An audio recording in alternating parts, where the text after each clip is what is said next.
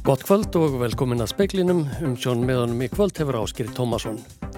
Stóru viðskiptabankarnir tilkynntu allir vaksta hækkanir í dag. Á þriðja hundrað íbúar í þremur fjölbílisúsum í Kaupmannöfn hafa þurft að yfirgefa heimili sín. Óveðurslæðin Otto fer yfir Danmörku og er talið óvíst að húsinn standi af sér storminn. Nýju yfirmenn hjá ennbætti ríkislauglustjóra halda stór auknum lífeyrisréttendum sem fyrirverandi ríkislauglustjóri færðið þeim.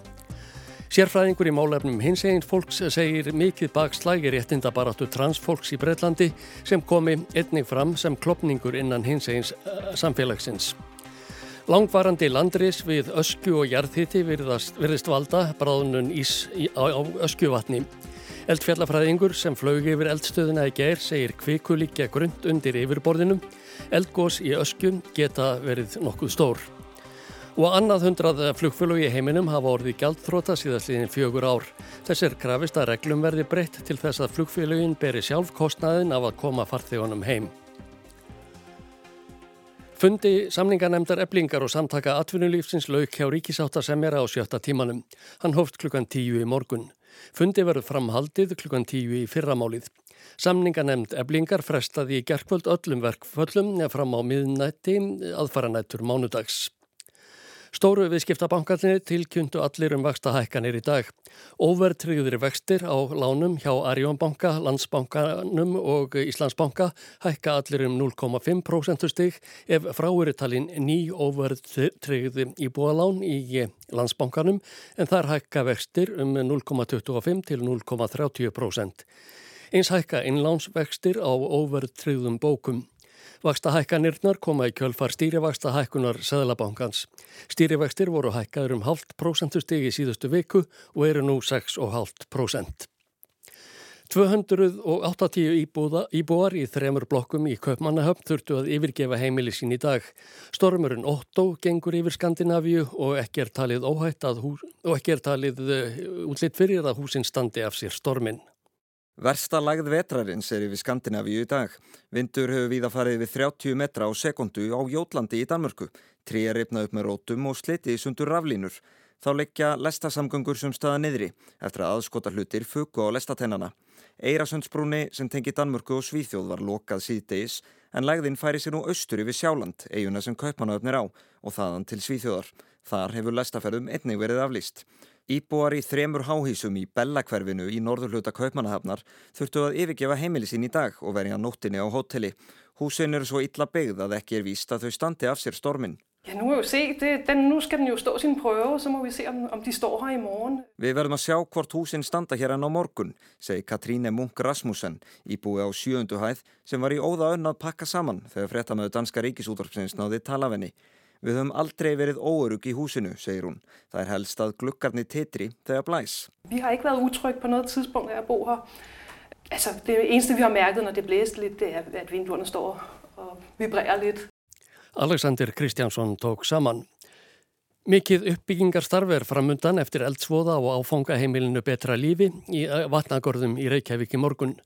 Arnar Gunnar Hjálmtísson, forstöðumæður heimilisins, segir allt kapp lagt á að finna húsaskjól fyrir þá 27 íbúa sem þar byggu, enda eigið er ekki í önnur hús að venda. Við erum hérna með fólk sem var húsnæðislaust þegar að leitaði til okkar og uh, við í samvinnu við vorteimi í Reykjavík erum núna að reyna að koma þeim í húsaskjól því það er ljóst að þau geta ekki verið hér í nótt eða, eða næstu nætur. Það er alltaf mikið uppbyggingastar sem mun fara hérna fram. Ástandi er þannig að gistiskilin eru full og uh, það er ekkert hlaupið að því að fá húsnæði hérna í Reykjavík. Við erum bara öll að reyna að koma þeim í hús því það er náttúrulega aðalatrið núna. Þetta sagði Arnar Gunnar Hjálmtísson. Nú skamum fyrir fréttir tókst að finna öllum íbúum, áfangaheimilisins húsaskjólun næstu daga. Meðsli þeirra sem fluttir voru á slísadeild eftir brunan eru ekki talin alvarleg. Teknideild lögreglu rannsakar vettvongin. Nýju yfirmenn hjá ennbætti ríkislaureglustjóra halda stór auknum líferisréttindum sem fyrirverandi ríkislaureglustjóri færðið þeim. Landsréttur staðfesti í dag að Sigriði Björga Guðjónsdóttur hafi ekki verið heimilt að vinda ofanan samkómulagi forvera síns. Með samkómulæginu voru fastar yfirvinnustundir nýju yfirmanna hjá ríkislauglustjóra færðar inn í grunnlöndera sem hækkuðu fyrir vikið um 48% án þess þó að heildalögn breytust. Þetta treyði starfsmönunum hins vegar stór auknar lífeyriskreislur þegar þar að kemur því eftirlun þeirra taka mið af grunnlaunum en ekki heildalögnum. Kostnaður ríkisins vegna breytingana er yfir 300 miljónir króna. Gjörningurinn var umdeldur. Lögreglustjóralandsins voru sérstaklega ósóttir með að fá ekki sambærilegan samning og yfirmenn hjá ríkislögreglustjóra. Eftir að Haraldur Jóhannesson let af ennbætti ríkislögreglustjóra fól dómsmálar á þeirra Sigriði Björk Guðjónsdóttur eftirmanni hans að skoða málið. Sigriður afturkallaði samkómulagið og taldi Harald ekki hafa haft heimild til að ráðast í þessa breytingar. Þessu vildu yfirmenninir ekki unna og stemdu ennbætti ríkislauglustjóra. Hérastómur og nú síðast landsréttur hafa nú komist að þeirri neðustuðu að samkómulag Haraldar skuli standa. Þótt landsréttur taki undir það að Haraldur hafi teikt nokkuð á því sigrúmi sem ætla má að lög, kjærasamningur og stopnarnasamningur hafi veitt honum til launasetningar, þá ráði það ekki úrslitum. Samkómulagið hafi verið lögmætt og það skuli standa. Alexander Kristjánsson sagði frá. Átján fundust látin þar af eitt barn í yfirgefnum flutningabíl nálalt Sofíu í Búlgaríu í morgun. Fimm börn voru meðal 34 sem voru á lífi. Lögreglan leitar eiganda bílsins. Hilbriðis ráþara Búlgaríu sagði á fundi með frettamönnum að fólkið hefði dáið úr súrefniskorti og kulda. Þá hafði það verið án matar í nokkra daga. Fólki frá Míðausturlöndum og Afganistan er smiklað til Búlgaríu og þaðan til annara landa í Evrópu.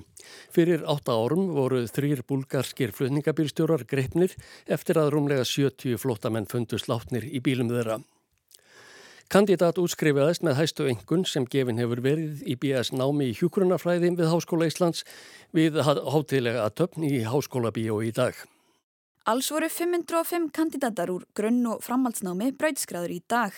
Var þetta í fyrsta sinn í þrjú ár sem skólinn var með hefðbundna brauðskræningarartöfni í háskólabíói og einnig með fjöldi á februar brauðskræningu skólans. Einn kandidatana var Kristófur Kristófursson sem brauðskræðast í dag með hæstu engun sem gefin hefur verið í BS-námi í hjúgrunafræði við háskólan. Kristófer hafði áður lokið tveimur gráðum í viðskiptafræði en sagði hjúgrunafræðina alltaf hafa blundað í honum. Ég var að vinna þetta í nokkur ár og, og, og kunni ágætlega við það en ég held að hafi eitthvað verið inn í mér sem, sem drómi í þetta á endanum. Sko. Ég er mjög ánægð með þessa ákvörun og eitna, hef ekki síð eftir henni í, í, neina sekundi. Auk þess að útskrifast með hæstu miðalengununa líkur að náminni á þremur og hálfi ári í stað fjögura eins og vennja er. Kristófer starfar á gæðsviði landsbytalans og segir aldrei að vita nema hann samtvinni þekkinguna segna. Hjúkunarfræði var ekki eitthvað sem ég, mér hafi dótt í hug um, þegar ég var yngri og kom kannski, svona, kom kannski í hausuna mér svona setna en ég held að það sé mitt kannski partur af því að okkur er ekki margir strákar að fara í þetta. Það er bara kannski margir strákar og séu bara ekki einfallega að hérna, hugsa um þetta, það er bara að þetta ekki í hug að fara í þetta en ég vona að við hérna, náum að koma því inn. Þetta sagði Kristófer Kristófersson, Rebekka Líf Ingadóttir talaði við hann. Það verist eitthvað vera á seiði undir yfirborði ösku. Óvenjuleg bráðnun hefur verið á öskjuvatni undanfartna daga og vikur. Í byrjun árs var öskjuvatt svo gott sem ísi lagt, en senstu vikur hefur þrátt fyrir harðar vetrarhörkur ísin bráðnað. Öskjuvatn er um 11 ferkilometrar að stærð og 220 metra djúft. Næst dýfsta vatlandsins á eftir Jökulsárlóni á Breiðamerkursandi. Orman Höskuldsson, eldfjöldafræðingur, velkomin í speilin. Fyrir þá sem þekk ekki til öskju, hvers konar eldstöð er hún og hvað er sérstakt við hana? Já, Askja er náttúrulega eina af þessum stærri eldstöðum sem við erum með í, í landinu og hún er náttúrulega mjög þroskuð eldstöð. Hún hefur myndað margar öskjur og það er svona ákveðið þroskleika merki í eldfjallinu sem þýðir að hún er, semst, já, er með kviku holf mjög nálegt yfirborði og þegar við segjum 2-3 km þá er það mjög nálegt semst, yfirborði og hún er marg oft myndað slík holf og tæmtum að látum því östjurna myndast þegar við fáum stór sprengi gos og tökum kvikunum mjög hratt út úr jörðinni og þá myndast bara tómarúm og, og jörðin bara fellur hún í sjálfa sig sko. mm -hmm. þannig að hún er já, bara mjög sérstök elstöð Já Og hvað er búið að vera að gerast þarna í veitur og núna senstu vikur? Já, bara síðustu ár, hún áttlega uh, eftir gósið 61 að þá, uh, sko það er eitt reistímabil hérna, ekstra ringur 63, 4, 5, síðan hefur hún verið heldur að síga saman. Og svo breyttist það bara fyrir eh, já, rúmum, rúmum tveim, eða tæpun tveimur árum. Og þá byrjum við að þennjast út og það er svona greinlegt merki þess að kvika er fyrir að streyma inn í þessi grunnu kvikuhól sem er undir fjallinu mm.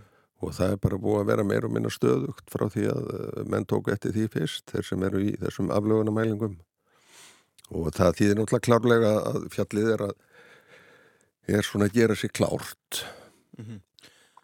Þetta er hálf svona snembóðin vorbóði að það sé farið að bráðna af vatninu hvað er að gerast þar? Já, það er náttúrulega sko östju vatn, það er náttúrulega vatn sem er ofan í gamalli sig östju sem að myndaðist 1875 sem náttúrulega gríðarlega mikið og sérstakt eh, svona fyrirbreyði að vera með östju fulla af vatni og venjulega, svona í venjulega ári að þá bara frýst þarna yfir, það byrjir að frjósa vatninu svona upp úr 20. og 21. des og svo bara frýst þetta og, og vatnin byrjar ekki að losa um ísin fyrir í mæ og, er svona ísin er fullu farin svona kannski í mánumöndum júni, júli en svo gerist þetta 2012 að ísin kvarf til dúlega snöglega og svo gerist þetta aftur núna. Og það er eiginlega eina leiðin til þess að gera þetta er að auka jarðhittan í vatninu. Og við vitum þá náttúrulega 2012 að þá vor, var jarðhitti mun víðar á botni vassins heldur en við þekktum. Og svo sáum við aftur þegar við meldum 2014 að þessi megin hlutin af þessum jarðhittagötum var hættur, semst eh, ekki virkur lengur. Og núna fer hún aftur á stað og vatnið í sín losar eh, bara tilturlega hratt af vatninu. Og það er að okkar mati tengist það því að að það er jarðhittin er að aukast sem að er náttúrulega bara eðlilegt því að það eh, fer kvika inn í kvikahólfið og það þennst út og svo byrja það að brjóta þakkið og, og þá náttúrulega kemur varminn úr kvikahólfinu hraðar upp til lifibors. Mm -hmm. Og þið fóruð í flug hérna í gær á henni umrættu flug við landhelgiskeslunar TFC til að kanna aðstæður. Hvers urðu þið vísari þar? Já, það var bara eins gott að við höfum þessa vél til þess að fljúi yfir. Við fórum þarna yfir öskjuna og vorum að kíkja eftir breytingum og þá sérstaklega jarðhittabbreytingum og vélin er náttúrulega vel búinn til slíkra mælinga. Hún er náttúrulega með hittamindavél meðal annars. Og við sjáum náttúrulega greinlega að það jarðhitt er að aukast þarna í kring og það er kannski sérstaklega ábyrrandi þarna við mývetningarhraun. Það er mjög heitt og Þar sjáum við bara heita, hérna, heitan ströym fara frá hrauninu út í vatnið og það passa líka við það hvernig við sáum vögina byrja að myndast í vatninu sem hún byrjar þarna frá mývenningarhraunni og svo stekkar hún og stekkar. Og... Mm -hmm. Þannig að það er klárt að jarðhitin er farin að aukast á viðbóri mm -hmm. og það í sjálfum sér er kannski ekkit uh, óeðlilegt, það er bara eðlilegt framhald af því að fjallið er að gera sér klárt í eldgóðs. Mm -hmm. En það er engin skjáltavirkni þannig, ekki en einu ráði? Já, það er smá skjáltavirkni, sko, og það er svona kannski spurningin, sko, við erum kannski ekki, eh, já, sko, þegar að kvikan leggur á stað, virkilega stað upp til Livubors, þá reiknum við með því að það verði mun meiri skjáltavirkni á sveiðinu, sko, en það er náttúrulega viðverandi smá skjáltavirkni og til þess að, að auka aðgengi að hitanum, að þá þarf ekki nema bara einhverja sprungur byrja að opnast eða rökk við gang, sko. Mm -hmm. Og ef að til þess kemi að það fær, fær að gjósa þarna, hvers konar gós verða yfirleitt þarna í Jösku? Já, svona 2000-aldinu voru þetta svona lítil basaltgós sem er að koma upp á ringsprungunum inn í Jösku og, og svo voru að vísu gós utan Jösku líka, Þorva, uh, Þorvaldsræn og það, en, en það er svona kannski, má segja það að það séu kannski meiri líkur á því að það verði þarna basaltgós og kannski ekkit stort og mikið En það má bara ekki gleyma því að Astja er bara uh, þroskað og þróað eldfjall og sem er alveg með uh, eh, kvikuhólf og rannsóknir uh, sem að voru gerðar hér af stórum hóp í Cambridge að þeir telja sér sjá að lámarki um það vil tíu rúmkilometra kviku þarna í þessum hólfum undir fjallinu og það er orðið ansið mikið að bráð sko ef við förum að taka eitthvað af því upp sko. Mm því að stórt gós hjá okkur við teljum náttúrulega gós sem er yfir einn rúmkilometra stærð það er til dæla stórt gós sko. mm -hmm. Getur þú komið með eitthvað dæmi um svona, til þess að fá svona samhengi í, í það? Já, við tekjum bara hólurraun, það er yfir rúmkilometra stærð og það er mjög stórt eldgós, gríðarlega stórt hérna hraunið sem myndaðist þar á söndunum þá festir svona átti sig á því því að menn koma nú yfirlt að því bara á landi og þá séu bara hröngkant og svo lítur yfir og þú átti ekki á því að þetta er bara höfðborgarsæði sem er þarna undir hrönninu sko. Þannig að það myndi vera stort gós, stort gós væri, væri lagagósi líka sem er náttúrulega miklu miklu stærra gós og, og svo var náttúrulega sæmilega stort gós þarna 1875 en vísu var það sprengjagós og, og, og hérna þeitti ösku hátt upp í loft og dreifði henni svo yfir Östurland og Skandinavíu. Þannig að þessi elstu, hún gæti alveg valdið slíkum, slíku fjárafóki? Hún gæti, sjálfsveit getur hún það alveg vegna þess að við vitum að það er kvikuhólf undir og, og það sem einkennir svona stórar uh, sprengjugós er það að þú þart að hafa kvikuhólf þar sem kvikan fær að þroskast og þróast í, í friði og svo ef þessi kvika kemst upp til yfirbors þá er hún orðin svona uh, þannig inn í aðlísinu og hún getur ekki gert neitt um að myndað uh, sprengjugós. Mm -hmm.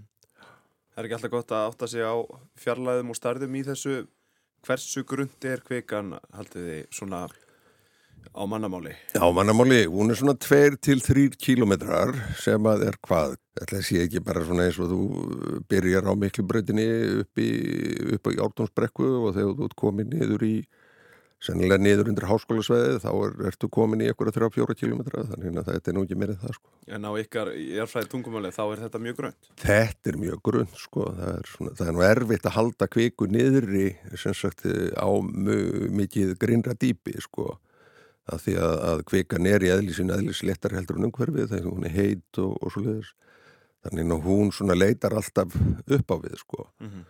Þannig að, að kvikuhólm, sko megin hluti af kvikuhólm sem við þekkjum í heiminum eru á þessu bíli 2-3 kilometrar í dýpinu mm -hmm. og það líka segir það að það er sko tiltölu stutt fyrir kvikuna að fara upp á yfirborð sko. Og því vísindamenn fylgist ventalega spennt með þessu öllu saman? Ég held að við fylgjumst mjög spennt með og höfum okkar álit á þessu hver fyrir sig út frá því sem hann þekkir í sínum vísindum. En ég held að það sé alveg klárt að með verðan að hafa hann var svona varan ágagvart öskju en svo náttúrulega hitt plúsin er náttúrulega hún er inn á reygin örafum þannig að það er engin nálægt enni þannig að svo leiðis þannig, þannig að það er ekkit sko já heimurinn náttúrulega hann reynur ekkit saman þó hún fari í gang hvort sem það lítið að stort góða sko. Við fylgjumst áfram með þessu. Takk alveg fyrir komina í speilin Ármann Höskuldsson, eldfjallafræðingur. Takk fyrir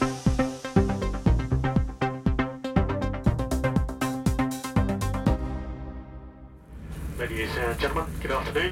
This is the captain speaking. Uh, just about ready to depart. Should be away on schedule in the next couple of minutes or so. Við skulum vona að þessi flugstjóri sé enn með vinnu en frá árinu 2019 til síðustu áramóta urðu 162 flugfélög gjaldþróta í heiminum. Þeirra á meðal voru þið franska Vol Direct, Atlantis Armenian Airlines, Air Namibia, Embraer Great Dane Airlines frá Álaborg, Írska flugfélagið Stobart Air, Thomas Cook Airlines frá Belaríkas frá Spáni og hið breska Flybe, Flýr frá Noregi og ítalska flugfélagið Ernest Airlines svo nokkur séu nefnd. Steve Ehrlich, stjórnandi góðgerða samtakana Pilots Together, segir í viðtali við CNN að fjöldi gjaldþróta í fluggeranum sé ískikilegur. COVID-19 farsóttin hafi leitt í ljós að rekstur margra flugfélaga stóð á veikum grunni. Pilots Together félagasamtökin voru stopnuð í miðjum heimsfaraldrinum til að styðja fjárhagslega við bakið á flugmönnum sem mistu vinnuna þegar flugfélag urðu gjaldþróta. Árið 2019, áður en faraldurinn breytist út um heimsbyggðina, voru gjaldþrótinn 59 samkvæmt upplýsingum frá JATA, alþjóðasambandi flugfélaga. Árið 2020 voruðu 53, árið eftir 35 og loks 15 í fyrra. Hrinnan er greinilega í rénun.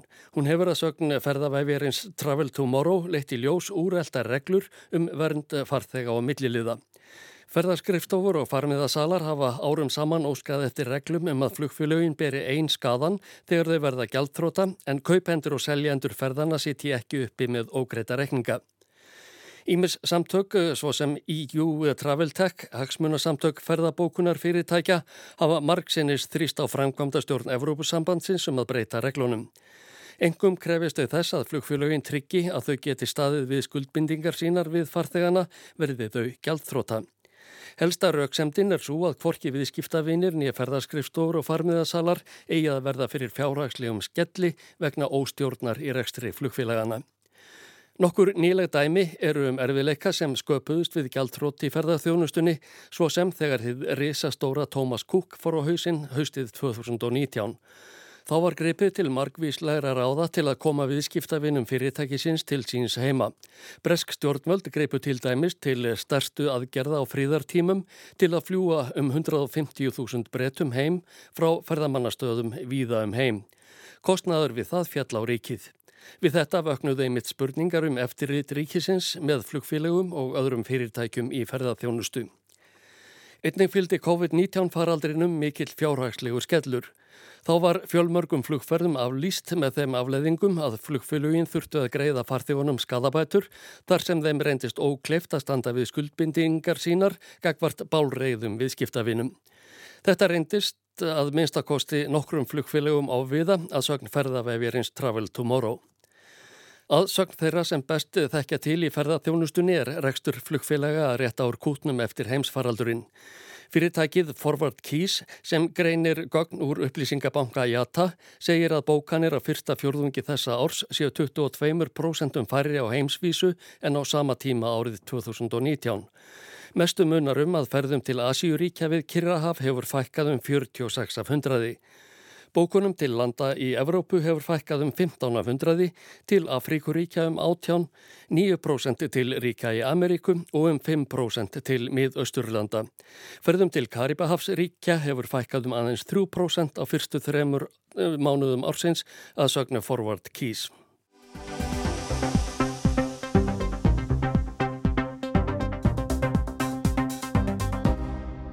Transfólk er óttaslegið og sorgmætt eftir morðið á 16 ára transstúlkunni Bríhönnu Djæ sem var stungin til bana af jafnöldrum sínum í Breitlandi. Sérfræðingur í málumnum hins einn fólks segir mikið bakslagi í réttindabaratu transfólks sem komi einnig fram sem klopningur innan hins einn samfélagsins. Morðið á Bríhönnu er rannsakað sem hatuskleipur en hún var transstelpa.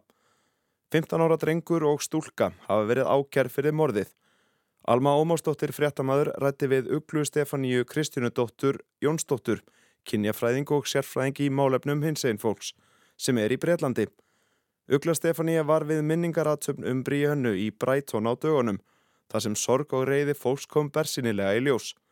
Staða transfólks á undir högg að sækja í bresku samfélagi. Já, og það er kannski hefur verið mjög ábrendi í Breitlandi sérstaklega, allavega í Evrópu, þá hefur Breitland kannski verið svona helsi staðan sem þessi, þess, þetta bakslæg er, er mjög sínilegt og það í rauninni kemur mikið fram í, í fjölmjölumræðu og sömulegis í pólitísk umræðu þar sem að, að transfólk er einhvern veginn alltaf á milli tannuna og fólki í fjölmjölum og annað og, og transfólk sömulegis málað upp oft sem einhvers konar, einhvers konar óknið samfélagi þegar réttindi sé að stangast til dæmis á við réttindi kvenna eða eitthvað slíkt sem að gætu náttúrulega ekki verið fjari læja því að réttindi transfólk snúast náttúrulega bara fyrst og fremst um það að transfólk geti haft aðganga heilbreyðsjónustu sé ekki að upplifa fordóman þessi vernd gagvart einhvers konar fordómum og meðsmunum og sömulegis að transfólk geti líka breytt sinni kynskráningu og nafni í, í þeim kerfum sem fara að breyta. Þannig að, að réttinda bara transfólk snýst að mörguleiti bara um frelsi og, hérna, og, og það stangast náttúrulega ekki á við, við réttindin eins en samt sem aður er er fjölmjöluumræðan mjög, mjög fjandsamlega og mjög mikil andúð gegn transfólki og réttindabartu transfólks og, og sömulegis eru, eru stjórnvöld og, og pólitíska að taka þátt í, í því að berjast gegn réttindum transfólks. Þannig að, að þetta bakslag er, er rosalega, rosalega ábrandi í Breitlandi þannig að fyrir transfólki kemur svona morð og svona glæpurinninni því miður eitthvað óvart af því að við erum ekki búin að horfa á þetta ástand stegmagnast á undanförnum árum og, og það er rauninni, fyrir sumum var það er rauninni tímaspörsmál þangar til að eitthvað svona alvarlegt myndi gerast. Þá er ákveðin hópur samkynneðra, jafnvel farin að beita sér gegn transfólki. Og það er eitthvað sem hefur kannski verið, verið mest sjokkræðandi fyrir, fyrir transsamfélagi því þetta er alltaf hópur sem hefur sjálfur þurft að berjast fyrir sínum réttundum og berjast gegn alls konar mismunum og hatri og annað og virðast einhvern veginn taka nákvæmlega sömu tól og núna er að beita því gegn transfólki og sérstaklega með þessi Breitlandi sem hefur ákvæmlega sögu að beita sér bókstálega gegn réttundum samkynneira á, á tíma, ég held að var 1988 voru meðal annars sett lög í Breitlandi þar sem hafa bannað að tala um hins eginn málefni í skólum.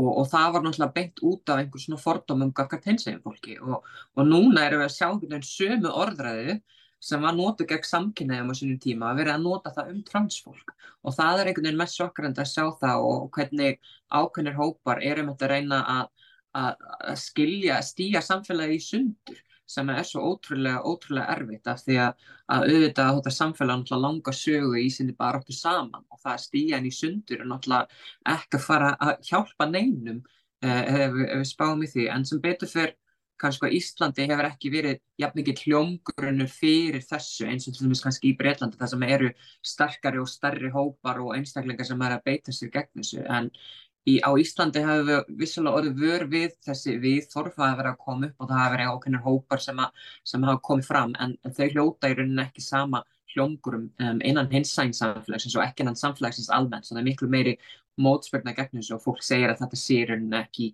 ekki bóði þannig að sem betur fyrir eru við kannski ekki akkurát á þessum staðu í Íslanda en vissulega eru við orðin vör við þessi viðþorf og, og það er mikilvægt að við, við spórnum gegnum strax og að ástandi verði ekki, ekki alvarlega. Ugla segir umfjöllun fjölmiðla í Breitlandi um morðið á Bríhönnu sjokkerandi því ekki sé fjallað um hana sem transstúlku. Og það er rosalega, rosalega sjokkerandi að sjá um eitt fjölmiðla vera að fjalla um þetta mál og nota gamla nafni hennar eða dauðanafni hennar sem hún, hún hefur ekki notað í mörg, mörg, mörg ár og sömulegis vera að miskinjana eða jafnvel ekki tala um það að hún sé stelpa eða hún hafi verið trans og annað, einhvern veginn svona forðast það að segja hver hún raunverulega var. Og það er útrúlega erfitt að þurfa að horfa upp á fjölmjöla gera það vegna þess að til dæmis gamla nafni hennar var ekki voru ekki upplýsingar sem voru auðfundnar og þannig að fjölmjölar og, og bladamenn hafa þurft að gera í því að finna gamla nafniðinnar sem að í rauninni kemur málinu ekkert við. Að því að hún er í raunin þarna 16 ára stelpa sem er búin að lifa sem hún í einhvern ákveðin tíma er stutt á sínu fjölskyldi, er bara þekkt sem Brianna og ekkert annað. Og, og ótrúlega einhvern veginn sorglegt og, og, og mér finnst það mjög alvarlegt og fjölmjölar séu að, að í rauninni nota þetta gamla nafn og miskinn vegna þess að það er svo mikil óverðing við það hver hún er.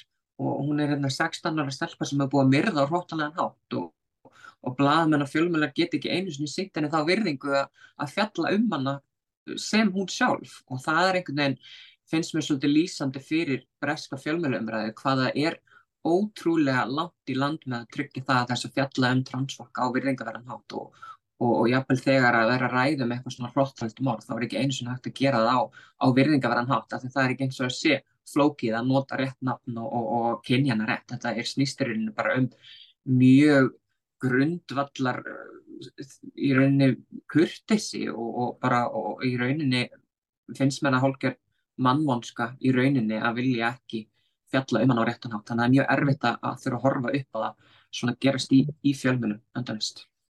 Þetta sagði Ugla Stefania Kristjánu dóttir Jónsdóttir í viðtalið við Ölmu Ómarsdóttur. Bjarni Rúnarsson tók saman. Og þá eru hér í lokinni veður horfur næsta sólarhing, suðvestlæg eða breytileg átt, 5-10 metrar á sekundu. Skíjað með köplum og sumstaðar jél. Frostverður frá 0 og upp í 8 stig. Þurrt og bjart veður að mestu fyrir part dags á morgun en vaksandi austan og suðaustan átt þegar líður á daginn og þyknar upp. 8 til 18 metrar á sekundu með snjókomu eða slittu annað kvöld, fyrst sunnan til en þurft fyrir norðan. Það hlínar heldur í veðri. Fleira er ekki speklinum að þessu sinni. Tæknimaður var Magnús Þorstein Magnússon. Útsendingu frétta stjórnaði valgerður Þorsteinstóttir. Verðið sæl og góða helgi.